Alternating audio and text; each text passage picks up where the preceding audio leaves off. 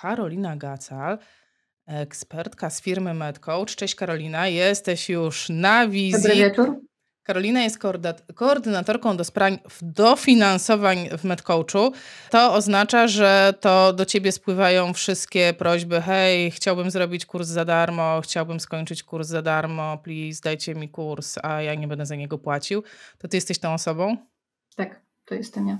Dobry wieczór wszystkim. Dziękuję bardzo za zaproszenie dużo jest takich e, zapytań i może inaczej, dużo jest takich możliwości w Polsce, żeby uczyć się i żeby no po prostu zupełnie za to nie płacić albo płacić bardzo mało.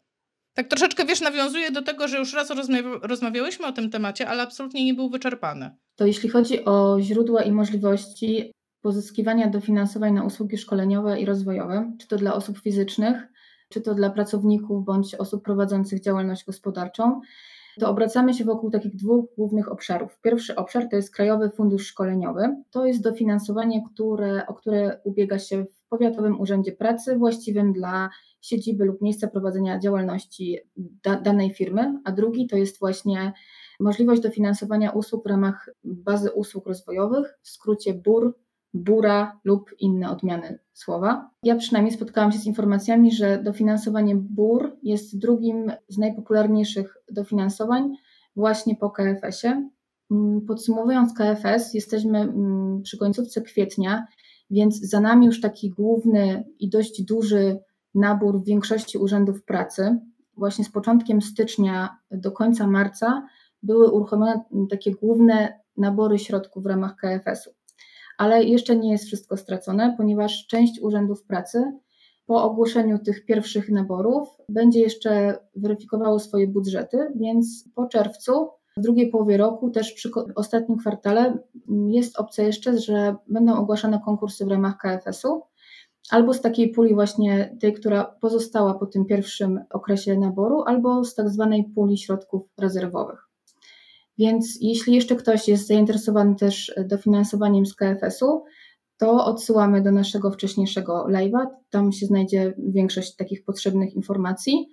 Kluczową sprawą jest przede wszystkim zweryfikowanie sobie, pod który urząd pracy właściwy dla siedziby lub miejsca prowadzenia działalności podlegamy i sprawdzenie w aktualnościach na stronie, kiedy ewentualnie jest planowany taki nabór wniosków. My też Państwa, jeśli Państwo zgłoszą się do nas, przez naszą stronę internetową na dofinansowanie i tam zaznaczam opcję zainteresowania dofinansowaniem KFS.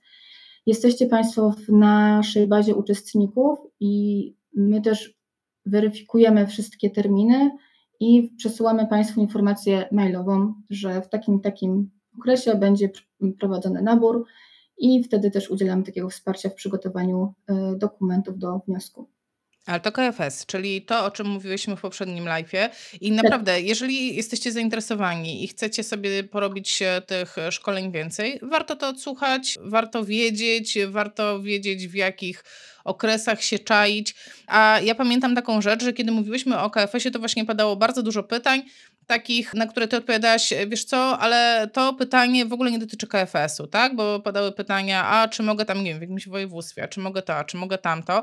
I ty mówiłaś wtedy, wiesz co, ale to w ogóle nie dotyczy KFS-u, bo te rzeczy się bardzo często ludziom miksują i powiem ci, mnie się miksują rzeczy. Ja na przykład kompletnie nie rozumiem różnicy, co to jest ten KFS, a co to jest ten BUR. Jakbyś mogła powiedzieć tak w krótkich zdaniach, żebym ja zrozumiała, co to jest w ogóle za różnica. Skąd się biorą pieniądze w KFS-ie, a skąd się biorą pieniądze w burze? Pieniądze z KFS-u w KFS-ie biorą się z naszych środków państwowych, w sensie z Polski pochodzą, z naszego budżetu państwa.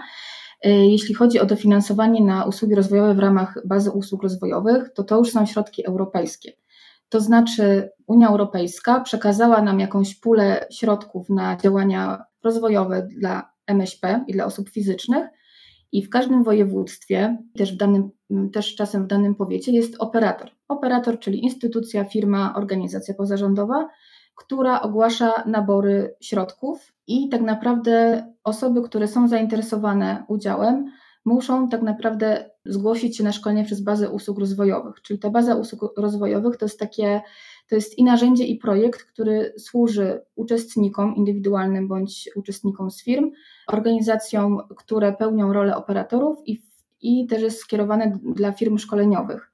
I dzięki e, złożeniu aplikacji przez BUR ma, mamy możliwość skorzystania właśnie z tych środków europejskich. Ja już się pogubiłam.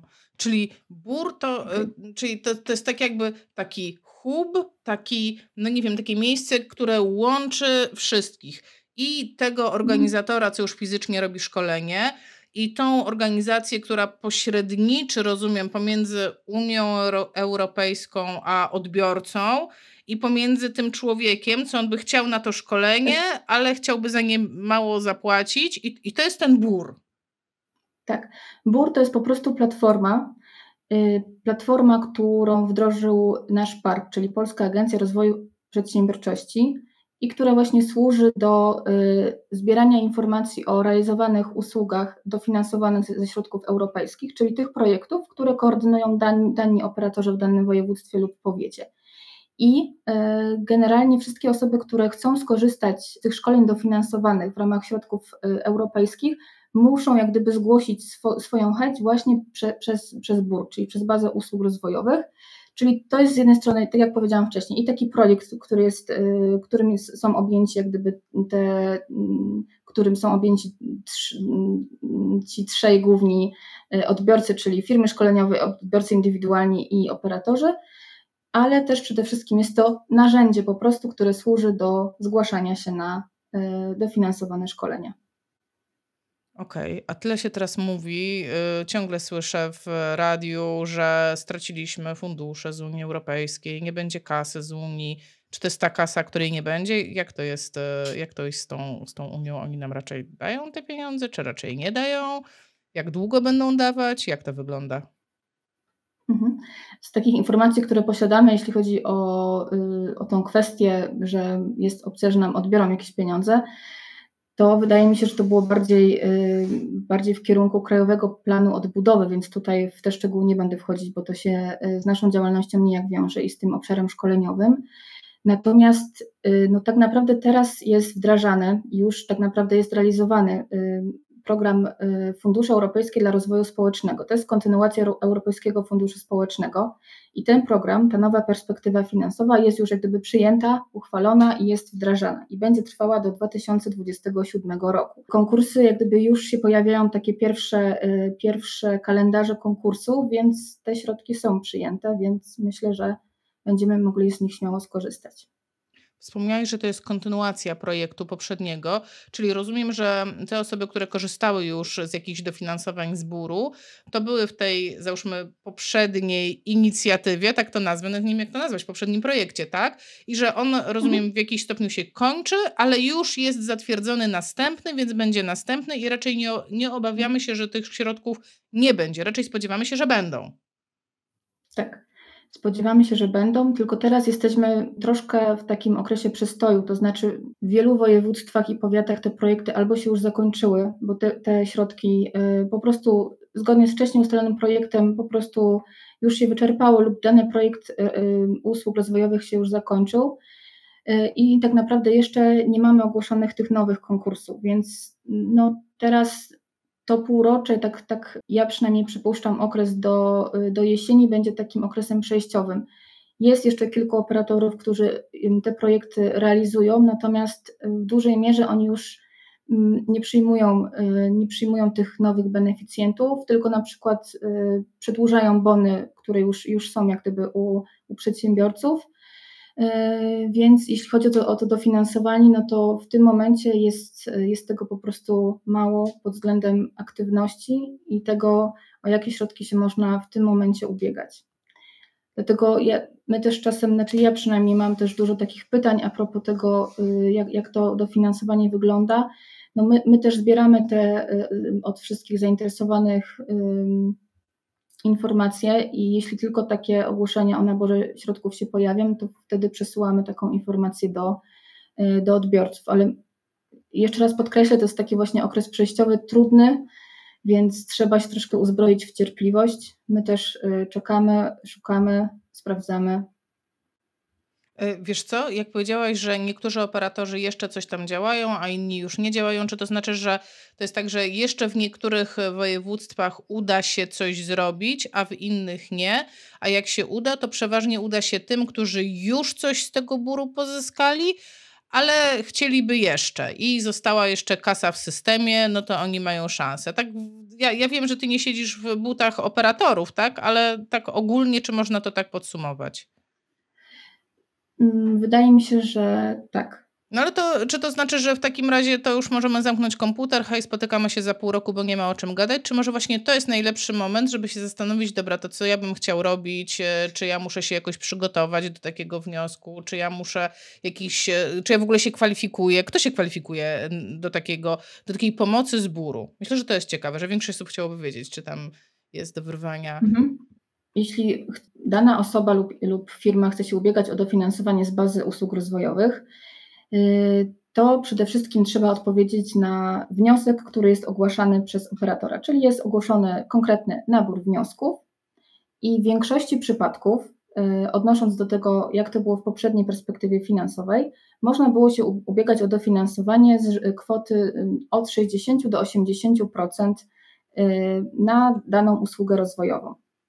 To jest taka istotna informacja, więc to dofinansowanie nie jest w 100%.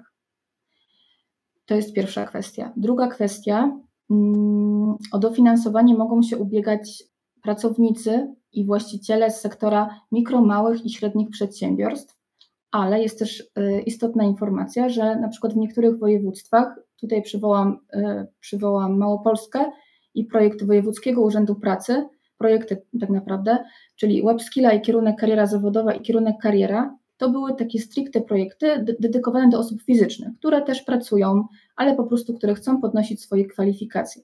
Na przykład te projekty jeszcze trwają i trwają do końca, e, do końca września tego roku. Więc do końca września tego roku można wykorzystywać te bony właśnie i to mogą wykorzystywać e, osoby fizyczne. To jest taka istotna informacja.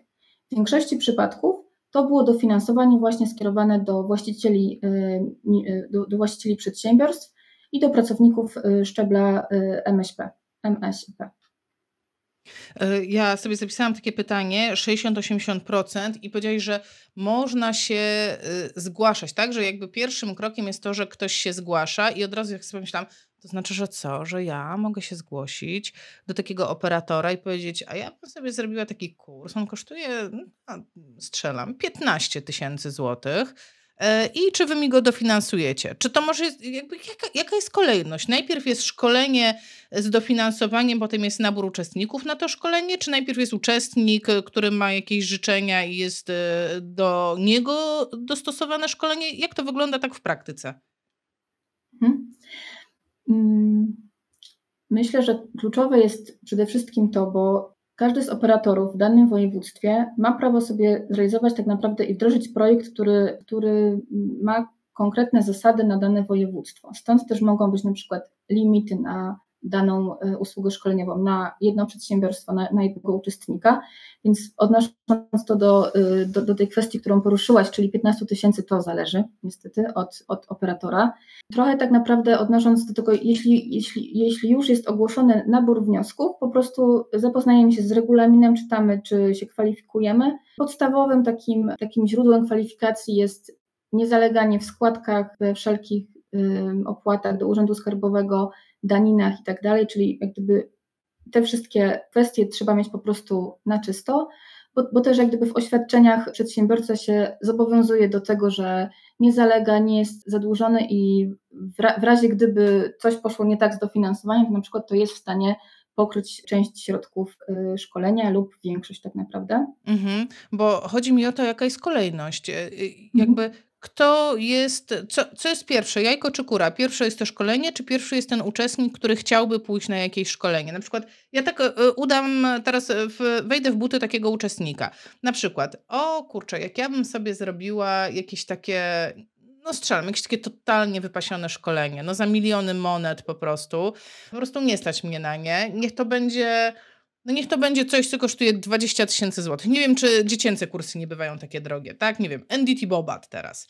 Ja sobie wymyślam, że chcę zrobić to szkolenie e, i idę do tego operatora, zapoznałam się z warunkami, kwalifikuję się, za chwilę dojdziemy do tego, kto się, jakby kto może się starać, kto nie może się starać.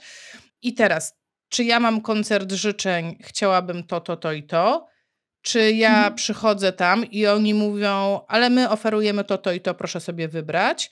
E, jak to mhm. wygląda? Co jest pierwsze? Czy na przykład jak ty zajmujesz się dofinansowaniami w MedCoachu, to znaczy, że każde szkolenie w MedCoachu można zrobić w ramach buru, czy nie każde?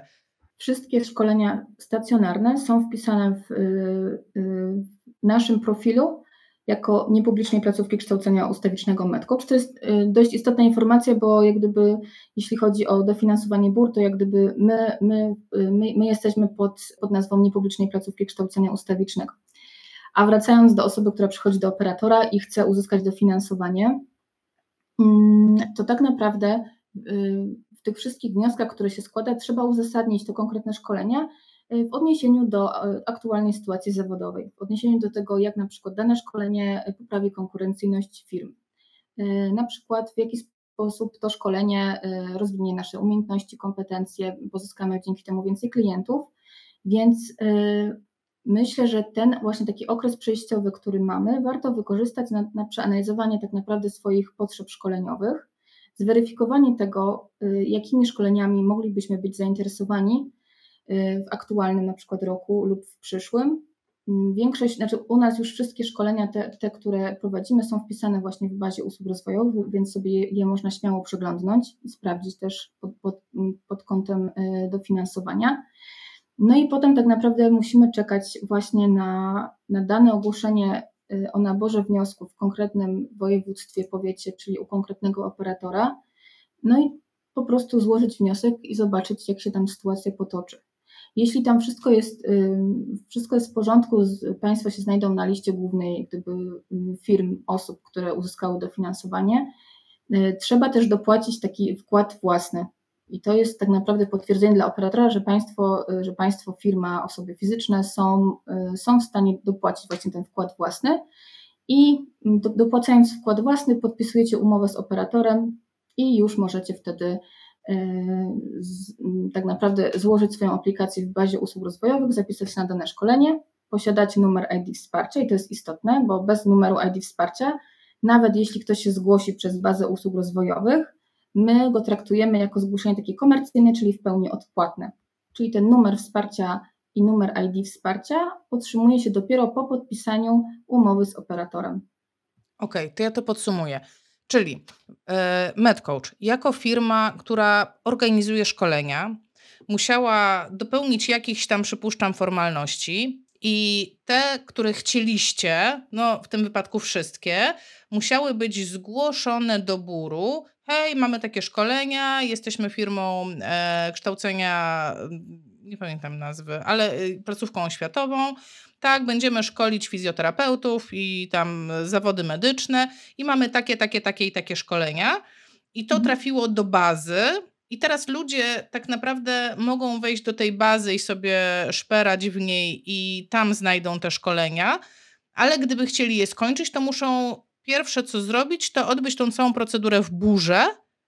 I jak mhm. skończą procedurę w burze łącznie z wpłatą jakiejś części, tak, czyli pomiędzy 20 a 40%, to wtedy dostają specjalny numer, którego już oczywiście nazwy nie pamiętam, i z tym numerem dopiero udają się do Was tak naprawdę.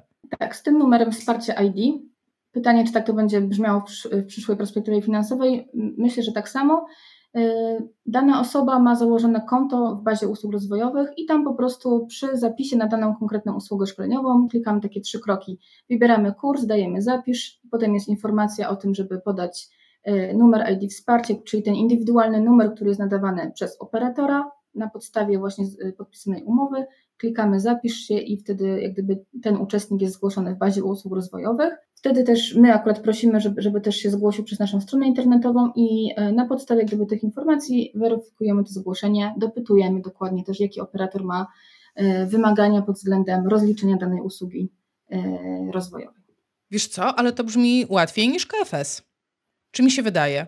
Jak mówiłaś o KFS-ie, to tam było tyle tych dokumentów, po prostu ileś stron do wypełniania, problem, czekanie. Pisali ludzie, że o ósmej startują zapisy, ósma i 16 sekund, nie ma już miejsc. No takie były komentarze, a z tego co mówisz, to mhm. BUR wygląda tak dużo bardziej przyjaźnie, tak dużo bardziej dla ludzi. Jak to wygląda z perspektywy twojej? Jak widzisz, ile osób dostaje z BUR-u dofinansowanie, ile z KFS-u i jak to, jak to się ma? Hmm, pod takim względem mm, realizacji rozliczeń i płatności to prostszy jest KFS, zarówno dla nas, dla instytucji, jak i dla, y, dla, dla uczestników, ale ja już mówię na, na tym etapie, kiedy jest już przyznane dofinansowanie. Jeśli chodzi o ubieganie się o środki, to w burze jest, zależy to trochę od operatora, bo niektórzy, znaczy większość operatorów już tak naprawdę przyjmuje wnioski elektronicznie, więc ta, tam też oczywiście zdarzają się sytuacje, że nie wiem, jest ogłoszony nabór o godzinie 8, o 8.03 już, już nie ma dostępnych środków, więc to tak naprawdę wszystko zależy od tego, jakie województwo, jak, jak duże jest zainteresowanie i tak naprawdę jak dany operator um, ustali sobie sposób rekrutacji uczestników. Przykładowo, w Małopolsce tak to przynajmniej wyglądało do tej pory, y, po prostu liczyło się tak naprawdę, y, ja mówię, mówię o środkach, które były, o wniosku, który ogłaszał ogłaszała Małopolska Agencja Rozwoju Regionalnego. Po prostu o godzinie 9 był, był otwarty nabór i trzeba było tylko złożyć takie proste zgłoszenie, czyli podać NIP, NIP firmy, adres mailowy i takie cztery podstawowe informacje i trzeba było czekać, czy gdyby to zgłoszenie w ogóle się już tam znalazło na, na liście głównej, informacje tam były do 24 godzin i później dopiero się składało takie informacje uzupełniające. Więc jak się udało, to się udało. Były sytuacje, że, że środki się wyczerpały w ciągu minuty, w ostatnim naborze trwało to, nie wiem, dłużej, więc to w zależności od tego, jaka jest sytuacja z danym dofinansowaniem. A na przykład w Śląskim na początku trzeba złożyć fiszkę, czyli opisać jak gdyby e, e, więcej informacji przedstawić operatorowi, podstawowe dane, plus na przykład wyjaśnić, dlaczego ta, ta osoba i ten kurs w danej firmie jest, jest jak gdyby potrzebny, czy on się wpisuje w, nie wiem, specjalizację w danym regionie, bo też o to pytają. No jest, jest, to, jest to ciężkie do ujednolicenia i do powiedzenia tego, że, y, no, że są takie ogól, ogólne ramy, według których się możemy odnosić do, do wszystkich operatorów. No, to po prostu zależy, wiem, że tak mało, mało, mało konkretnie, ale naprawdę to zależy. Wiesz co, to tak brzmi bardzo po polsku. Każdy robi jak chce, tak naprawdę decyduje ta osoba za biurkiem, która siedzi w, w danym województwie. U jednych za koleją, jak do lekarza, numerki i kto pierwszy, ten lepszy. U drugich, e, kto lepiej uzasadni. Czyli to nie jest do końca takie, takie jasne i przejrzyste i takie, no trochę trzeba mieć też szczęścia chyba w tym wszystkim, tak mi się wydaje. Trochę szczęścia, trochę też yy, ma jednak znaczenie lokalizacja, czyli no już sami wiemy też nawet po, po KFS-ie, że są województwa, są powiaty, które są bardzo mocno yy, obarczone jak gdyby takim ryzykiem, że te środki się wyczerpią szybko. Są miejsca, gdzie na przykład trwają te nabory i jak gdyby są one powtarzane i tych zgłoszeń jak gdyby jest tyle, że kto się zgłosi, ten otrzymuje, więc tutaj tak naprawdę jest to jednak kwestia też, y, też geograficzna. Wiadomo, że w większych miastach no to jest, jest to oburzenie po prostu większe. A możesz zdradzić, w których regionach y, tak y, jest się o co bić, że jest łatwiej? Może akurat może ktoś nas słucha albo ogląda i cyk, wejdzie sobie i nawet nie wie, bo wiesz, bo to jest, to jest najbardziej przykre, że ktoś nie wie, że mógłby i przez to nie korzysta. Mhm.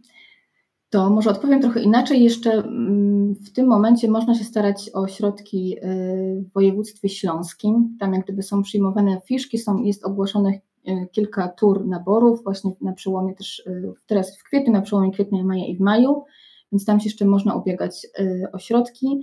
I tylko tam u tego operatora trzeba złożyć taką fiszkę wstępną. Mm ale z takich rzeczy, które, które, która jest w ogóle ważna i istotna dla, dla odbiorców i dla beneficjentów z województwa mazowieckiego i pomorskiego, tej wcześniejszej perspektywie finansowej, która jeszcze trwa, ale już się kończy, te dwa województwa nie podpisały umów na realizację usług szkoleniowo-doradczych i rozwojowych, więc tak naprawdę beneficjenci czyli uczestnicy firmy, organizacji nie mogą się ubiegać o te środki. Natomiast na podstawie też konferencji, która była organizowana przez PARP, na tą nową perspektywę, która potrwa do 2027 roku, województwo mazowieckie i pomorskie są już włączone do, y, do możliwości ubiegania się o dofinansowanie z tym, że y, w województwie pomorskim y, będą się mogli starać o dofinansowanie, będą się mogły stać osoby fizyczne, które chcą podnieść swoje kwalifikacje, a w województwie mazowieckim pracodawcy, pracownicy i osoby fizyczne. Ale z takich głównych rzeczy, na które przynajmniej PARW zwrócił uwagę, że w tej nowej perspektywie finansowej będzie kładziony nacisk na to, żeby mogły się też ubiegać o dofinansowanie osoby fizyczne, czyli niezależnie od tego, czy pracodawca wyrazi zgodę, czy będzie chciał, bo to też jest kwestia tego, czy pracodawcy ma taką przestrzeń, żeby się też zająć tymi wnioskami, dokumentami, to też trzeba inaczej rozliczać. Y, czyli osoby fizyczne, nawet pracujące na, niezależnie od umowy, y, będą się mogły starać po prostu o dofinansowanie na, na wybraną przez siebie usługę szkoleniową. Czyli jest szansa też e, i dla nas. E, no, e, przeczytam Ci pytanie z czatu. Czy jest szansa na pozyskanie dofinansowania, będąc jeszcze studentem, bez prawa wykonywania zawodu fizjoterapeuty? Jeśli tak, to w jak dużym stopniu jest to zależne od województwa? Czy student ze stolicy ma jakiekolwiek szanse na takie wsparcie? No, od jesieni, tak, od jesieni i w Mazowieckim będzie szansa, tak jak powiedziałaś, ale jak z tym studentem? No przecież student, no co, no może? Mm, może.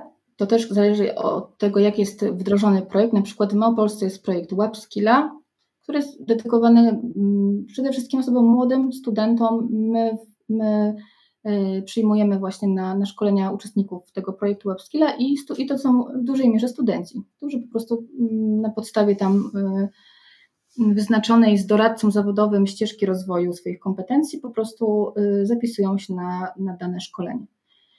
Więc to w zależności od, no, y, akurat y, to jest ta sytuacja, która, która, która była w Małopolsce, natomiast y, patrząc na to, jak to PARP zapowiada, jak to może wyglądać, jest opcja na to, że dla studenta, który na przykład nie jest jeszcze nigdzie zatrudniony, będzie też taka możliwość na podniesienie swoich kwalifikacji.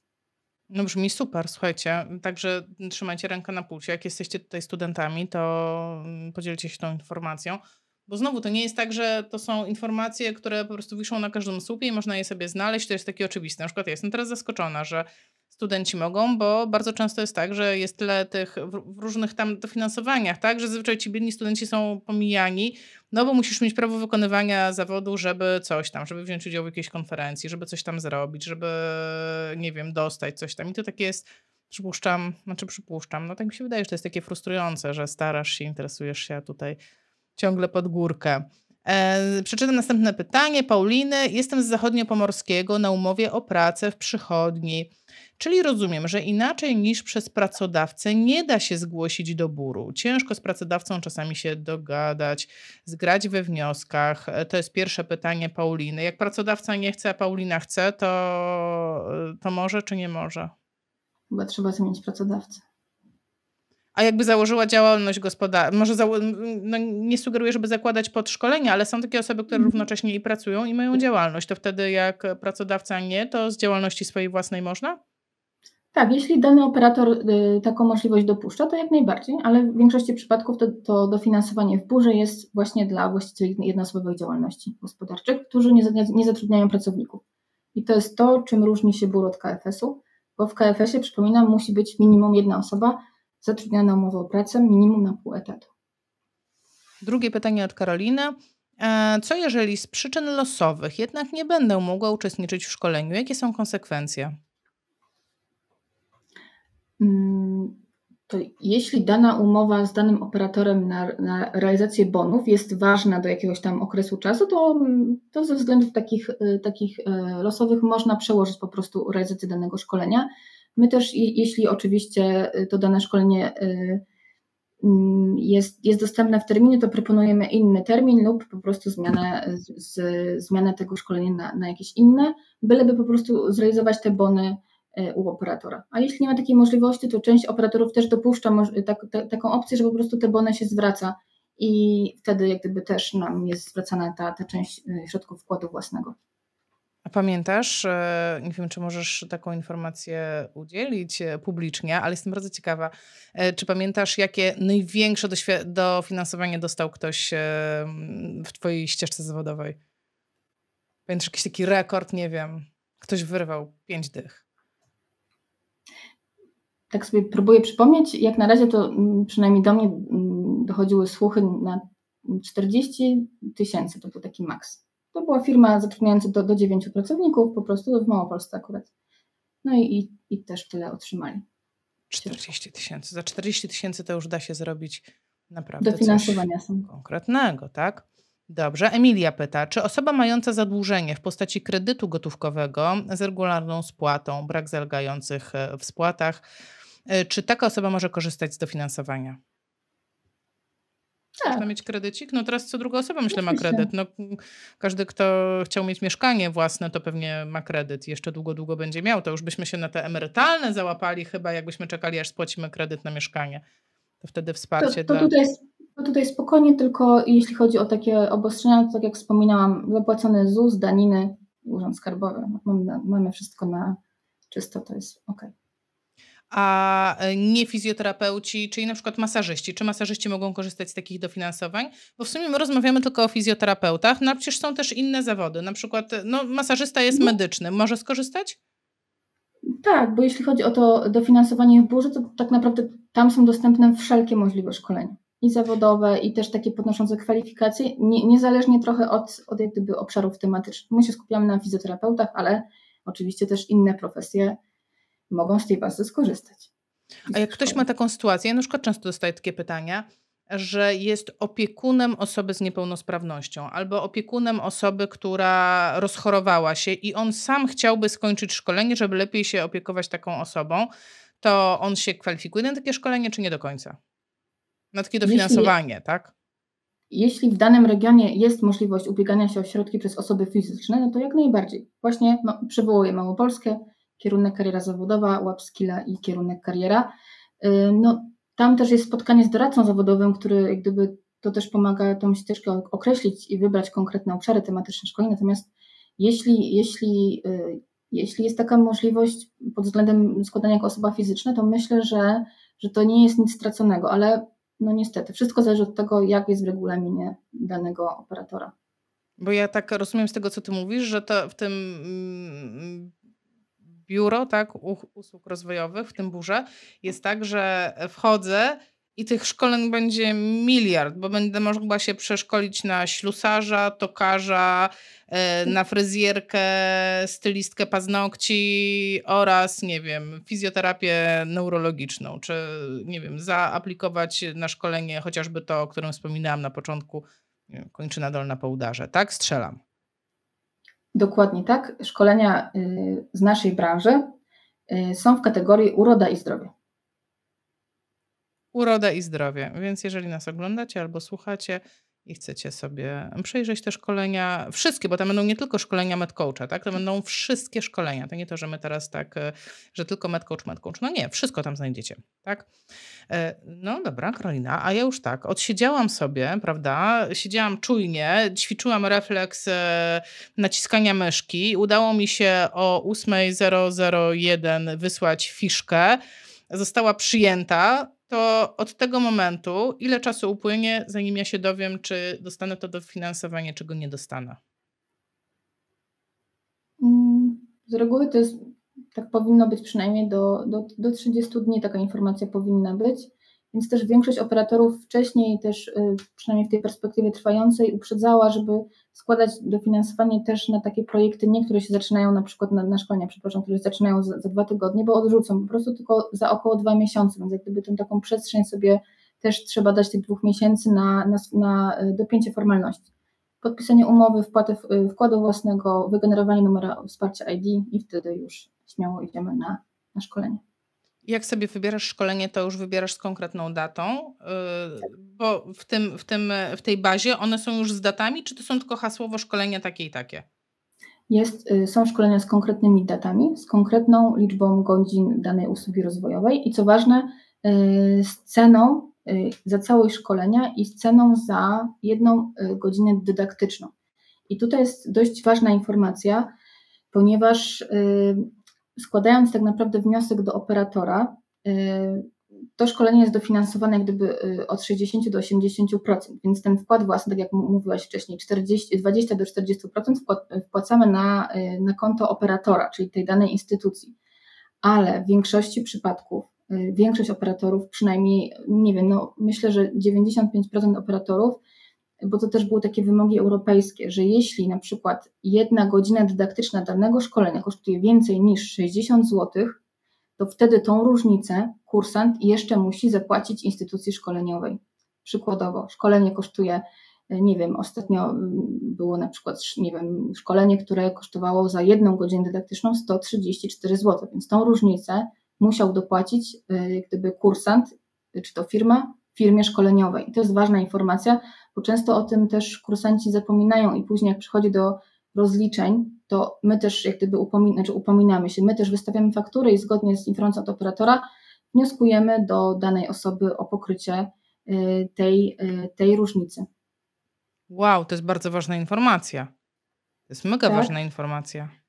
Wiem, też byłam na takiej konferencji i y, jak gdyby są głosy, no bo wiadomo, że te, to 60 zł, no to, y, to jest kwotą dość, dość niską na, na, na takie szkolenia już właśnie, nie wiem, uroda i zdrowie, ale takie szkolenia fizjoterapeutyczne, y, medyczne, to już jest taka kwota, która może nie być wystarczająca na takie, specy- na takie specyficzne szkolenia, więc tutaj też uczulam, żeby sobie, żeby sobie to, to też zweryfikować i jak gdyby ta informacja jest publiczna, ogólna i można sobie to porównać wszystkich jak gdyby realizatorów usługi na dane szkolenie w burze jest to po prostu wszystko jak, na, y, jak, jak w otwartej księdze. Można sobie po prostu porównać cenę, liczbę godzin, zakres tematyczny, musi być podany, musi być podany konkretny harmonogram usługi i kto prowadzi. To są takie podstawowe informacje, które muszą być w karcie, bo jeśli ich nie ma, to nie jest zaakceptowana i nie jest po prostu opublikowana. To zobacz, e, Karolina, tak fikcyjnie, zróbmy fikcyjne szkolenie. Jeżeli fikcyjne szkolenie trwa 10, 10 godzin, to są godziny dydaktyczne czy takie zegarowe? Dydaktyczne. Dydaktyczne. Dobra. Szkolenie trwa 10 godzin dydaktycznych, jednodniowe, kosztuje 1000 zł dla łatwości rachunku, czyli mamy 100 zł za godzinę. To fizycznie ile zapłaci za nie osoba, która dostanie 80% dofinansowania? Patrz, ale strzeliłam po prostu matematykę na wieczór. 200 e, zł to na dzień dobry, no bo musi dopłacić 20%. Ale tak. potem, no właśnie, a co potem? To te 60, różnice pomiędzy 60 a 100 to od 1000 zł, od 10 godzin? Przecież już za 20 i tak zapłacił całość. A tu cię mam. Do operatora wpłaca się wkład, wkład własny, jak gdyby, y, który można uznać za takie, takie poręczenie, informacje dla operatora, że dana osoba, firma jest jak gdyby wypłacalna i jest w stanie sobie tą część pokryć środków. Natomiast no, w tym przypadku to, to, szkolenie za jedną godzinę dydaktyczną wychodzi 100 zł, prawda? Bo mamy 1000 zł i mamy godzin 10, prawda? E, więc e, tą różnicę, czyli 40 zł mnożymy razy mnożymy razy 10 godzin dydaktycznych, czyli jeszcze do instytucji szkoleniowej. 40 wyszło mi z prostej kalkulacji, 100 odjąć 60, czyli ten limit 40 razy 10 godzin szkoleniowych, czyli 400 zł będziemy jeszcze wnioskować jako my, jako instytucja szkoleniowa o dopłatę na nasze konto. No ale to jest niesprawiedliwe, bo dwa razy się płaci te 40 zł, bo już raz je wpłaciłam e, płacąc 20, 20% zaliczki, tak, bo zapłaciłam 200 zł, więc zostało tak jakby do zapłaty 800 zł. A jeszcze muszę mhm. zapłacić e, nie od 800, co zostało, tylko od 1000. To jest niesprawiedliwe. Bo muszę zapłacić 200, potem jeszcze 400, to w sumie już zapłaciłam 600. To już pocałujcie mnie w nos za takie dofinansowanie. Wiesz o co mi no, chodzi? No tak? tutaj trzeba mieć się na, na baczności, bo są szkolenia na przykład, które u nas y, jest szkolenie, które po prostu za, nie wiem, jest jednostka godzinowa, y, kosztuje 134 zł. No jak gdyby ta różnica jest też, też muszą klienci dopłacić, natomiast Natomiast jak gdyby ta część, y, która idzie do operatora, no to to jest jak gdyby in, inna para kaloszy. I tutaj no uczulam, bo y, w większości przypadków są te szkolenia, gdyby one się mieszczą w puli, nawet są za, nie wiem, wychodzą po prostu 59, 60, my też tak jak gdyby jest to. Y, jest to wszystko w puli się mieści, ale im bardziej specjalistyczne szkolenie, im krótsze, bardziej zintensyfikowane, skondensowane, to ta mm, kwota za jedną godzinę dydaktyczną jest po prostu wyższa. Ale czy ten limit zostanie podniesiony? Być może zostanie podniesiony, być może to będzie, nie wiem, 70-80 zł. Ale to też, trzeba mieć na, to też trzeba mieć na uwadze, żeby jak sobie na przykład zapisując się na dane szkolenie. Tak, Agata pisze, wiesz, ja o tym nie wiedziałam, że, to, że tak jest i zostałam niemile zaskoczona. Chodziło o jakieś rozliczenie netto, więc nie polecam, a papierów kupę. No właśnie po to robimy takie e, rozmowy, żebyście wiedzieli na czym stoicie, bo e, no najfajniej było być, byłoby być w tych butach e, przedsiębiorcy, który dostał 40 tysięcy i zrobił sobie fajne szkolenie na wypasie dla swoich pracowników, no bo rozumiem, że to tak było, a nie być w butach, nie wiem, kiedy oszczędzasz, okazuje się 200 zł na szkoleniu, a No, a narobiłeś się bardzo dużo. E, mamy od Eweliny taki głos. Jestem z województwa podkarpackiego. Kontaktowałam się z operatorem buru w sprawie dofinansowania w lutym. Zostałam odesłana, by ponownie skontaktować się w kwietniu, a teraz by kontaktować się końcem sierpnia. Czy myśli Pani, że jest realna szansa na uzyskanie dofinansowania w tym roku? Dobre pytanie. Y, dla wszystkich, którzy słuchają albo oglądają ten, e, tą rozmowę, to rozmawiamy w kwietniu 2023, dokładnie 17 kwietnia, i to jest stan na dzień dzisiejszy. Myślę, że operator właśnie jest na takim etapie, że albo mm, podpisuje już, już tak naprawdę y, nową umowę na tę nową perspektywę finansową, więc patrząc na to, że będzie ogłoszony nabór w październiku, mm, no może być jak gdyby przyznane to dofinansowanie, nie wiem, jeszcze w tym roku, ale czy będzie je można wykorzystać, no to w zależności od tego, jak tam szybko się uda uporać z formalnościami. Natomiast no, liczyłabym na to, że to będzie przełom też, też roku, żeby, żeby się też na to nastawić. A też tak naprawdę operatorzy, my też mamy dużo takich głosów, że operatorzy nie wiedzą, my też sami nie wiemy, bo oni też się muszą ubiegać o to, żeby, żeby móc takie projekty realizować, więc oni też tak trochę odsyłają, być może kontraktują te nowe środki, dlatego to jest takie właśnie przesuwane i dlatego też właśnie uczulam, że y, to jest frustrujące i na pewno mm, jak ktoś nie ma takiej konkretnej informacji, no to też się może zniechęcić. No jeszcze musimy poczekać. A co staje się może być taka przełomowa? Ale no słuchajcie, no to dlatego trzeba być czujnym. Właśnie teraz jest czas, e, żeby wykorzystać go albo, albo jak jesteś z takiego województwa, które ma jeszcze szansę teraz, to jeszcze sobie wykorzystać, albo po prostu czaić się na jesień na to, co chcielibyście zrobić, e, czy na wczesną zimę, czy przełom roku, no ale generalnie nie zasypywać gruszek w popiele. A e, ja mam też takie pytanie, które padało na poprzednim live'ie, e, czy taki operator może odrzucić mój wniosek, dlatego że na przykład chciałam skończyć jakieś szkolenie X, a operator mi mówi, wiesz co, ale ja mam pięć takich szkoleń w bazie, wybrałaś najdroższe, a weź se skończ tańsze. W większości przypadków przedstawienie ofert konkurencyjnych służy pokazaniu tego, że mm, dane szkolenie nie odbiega jak gdyby y, cenowo y, od innych szkoleń. Nie było takich, znaczy wydaje mi się, że, że tutaj y, kwestia ceny nie powinna mieć znaczenia. Bardziej chodzi o to, żeby pokazać, że wybraliśmy szkolenie, które na przykład nie jest sztucznie ta cena zawyżona na przykład. Tak, że na przykład pokazujemy, że dane szkolenie takiego zakresu u innych operatorów są, są takie kwoty podobne, zbliżone, to bardziej pokazuje to, żeby pokazać, że, że po prostu to nie jest specjalnie cena zawyżona na dane szkolenie. A to pokazuje, ta, a to ta osoba pokazuje, która się stara, czy to wy musieliście zrobić jako firma e, w ogóle aplikując do buru, żeby były wasze szkolenia na takiej liście? Mm, nasze szkolenia są na liście, natomiast w niektórych przypadkach wnioskodawca, czy operator wymaga, żeby tam po prostu nawet przykleić jak gdyby inne konkurencyjne jak gdyby y, oferty szkoleniowe. Mm, no ale też wtedy się warto, warto przede wszystkim uzasadniać to, nie wiem, lokalizacją, trenerem, który prowadzi dane szkolenie, takimi informacjami, które są dla nas istotne, prawda? No bo no też, też między Bogiem a prawdą, no ten operator ma do rozpatrzenia x wniosków na przeróżne zakresy tematyczne, więc tak naprawdę no, niekoniecznie wszyscy się znają na, na nie wiem, narzędziach w pracy fizjoterapeuty, które, które są potrzebne, na przykład są na danym szkoleniu, ale na innym już, już go nie ma, chociaż w nazwie jest to samo na przykład, nie? Więc tutaj jest to taka kwestia, która, która może być e, istotna. Okej. Okay. E, jeżeli macie jeszcze jakieś pytania, to napiszcie je na czacie. E, ja tymczasem mam takie podsumowujące, powiedziałabym, e, zamykające krąg pytanie. Jakbyś mogła tak powiedzieć, tak totalnie w praktyce. Jak teraz ktoś nas ogląda, jak sobie myśli, kurczę, w sumie nigdy nie brałem pod uwagę tego, że można by się do tego buru zgłosić.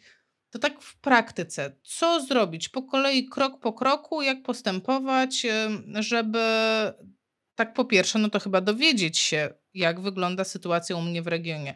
Bo dla ciebie to jest bardzo łatwe. Ty mówisz, sprawdźcie sobie w regulaminie. Jak ja myślę, że ja mam googlować, co ja nie wiem co, szukać jakiegoś regulaminu, czytać ten regulamin, ja już, ja już mam zawał. Nie, ja już, nie, ja już, ja już zamknęłam komputer, ja już jestem gdzie indziej, ja już gram w Minecrafta po prostu. E, jak, jak ten proces sobie ułatwić? Dobrze. Y, to zacznę od MedCoacha. Na naszej stronie internetowej jest zakładka dofinansowania i tam, jest, y, i tam jak gdyby z tej zakładki nas kieruje do, y, do części dofinansowania w BUR. i tam jest tak naprawdę link odnoszący z, z każdego województwa, można sobie kliknąć dany link i on odsyła do strony Polskiej Agencji Rozwoju Przedsiębiorczości, gdzie są, po, gdzie są podani operatorzy w danym regionie czy w danym województwie i na dane powiaty. Więc to można sobie tak bardzo szybko zweryfikować, na przykład poorientować się, być może znamy tą organizację, kojarzymy, to są, nie wiem, inkubatory przedsiębiorczości, na przykład, na przykład takim operatorem jest na przykład inkubator przedsiębiorczości w Kaliszu, tak mówię przykładowo, bo miałam przykład z dzisiaj.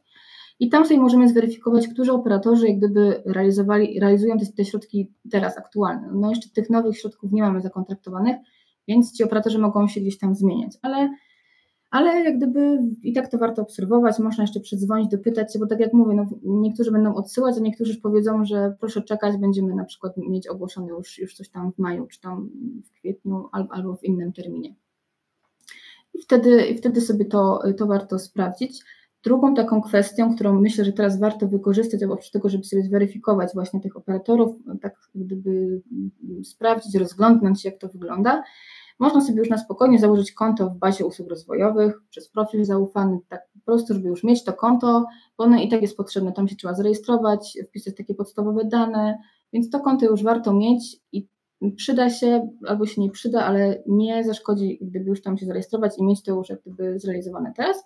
I na podstawie też tego konta można sobie właśnie już po zalegowaniu się, można sobie spokojnie przejrzeć wszystkie tak naprawdę usługi szkoleniowe, którymi jesteśmy zainteresowani. Powiem taką jeszcze ciekawostkę może na sam koniec, jeśli mogę. Jasne.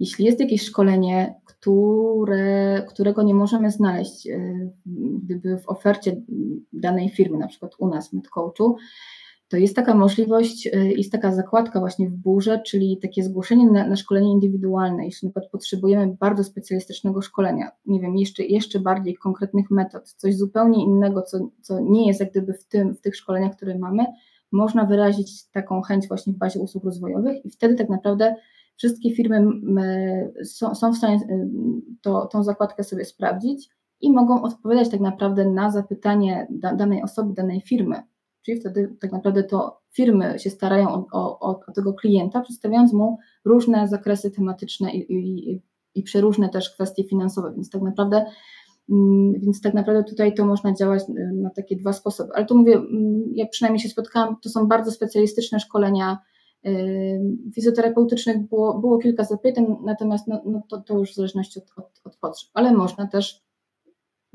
właśnie y, zmienić trochę opcji i wyjść z perspektywy właśnie klienta, który oczekuje realizacji konkretnego szkolenia z takiego zakresu tematycznego. I ma taki budżet, no i wtedy te firmy tam się muszą nagimnastykować, żeby złożyć ofertę. Super, bardzo fajna rada. A ja tak jeszcze podpytam dla pewności, ponieważ powiedziałaś, że każdy operator to jest to odrębne województwo. Potem wspomniałaś, że tych operatorów w jednym województwie jest jednak dużo, że y, w powiatach oni są. I taka mi się lampka zaświeciła hej, czy to znaczy, że ja mogę e, korzystać ze szkoleń tylko w moim województwie? E, a na przykład wiem, no wiem to po swoich szkoleniach medcoachu, że tak naprawdę te szkolenia odbywają się tylko w dwóch miastach, w Krakowie i w Warszawie. W związku z tym, e, no to co, to tylko warszawiacy, którzy nie mogą i tylko Małopolanie, którzy jeszcze mogą, mogą się zgłaszać? Czy to jednak jest tak, że zgłaszasz się w swoim województwie, w swoim powiecie, idzie, jakby wchodzisz na tą stronę swojego tego operatora w swoim powiecie, ale masz dostęp do całej Polski. Dokładnie tak. Można zrealizować szkolenia w całej Polsce. No to myślę, że chyba mamy to. Jak ktoś jest zainteresowany, to już wiecie na co patrzeć, wiecie na co zwracać uwagę, e, żeby być czujnym na kwotę 60 zł, bo można się przeliczyć i na koniec kasa się nie zgodzi. E, no i cóż mogę powiedzieć? E, złota rada. Masz jakąś złotą radę? Cierpliwość i próbować.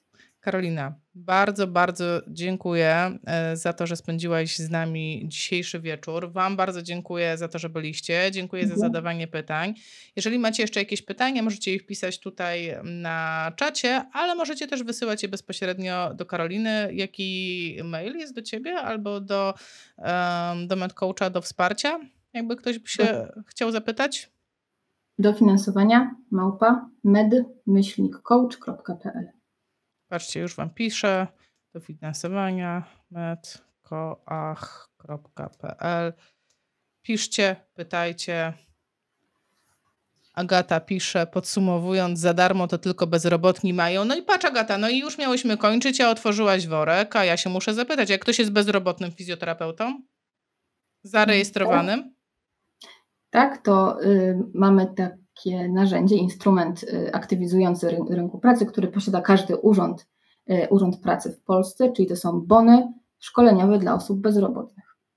I tak, owszem, ona wtedy, jak gdyby wtedy ta dana osoba, która się ubiega o takie szkolenie, w Urzędzie Pracy nie musi płacić, natomiast to jest też obwarowane tym, że mm, wybierając konkretne szkolenie, trzeba też y, tam złożyć taką deklarację i znaleźć sobie pracodawcę, który później, y, w związku z tym, że to szkolenie się odbyło, ta osoba uzyskała kompletne, te konkretne kwalifikacje, zostanie zatrudniony. Więc to też tak być może tak z perspektywy to wygląda prosto, ale gdzieś tam, gdzieś tam jest, jest potrzeba takiego wysiłku, ale tutaj się zgodzę, tak, to jest jak gdyby wtedy te bony dla bezrobotnych, no jak gdyby są w całości pokrywane przez Urząd Pracy.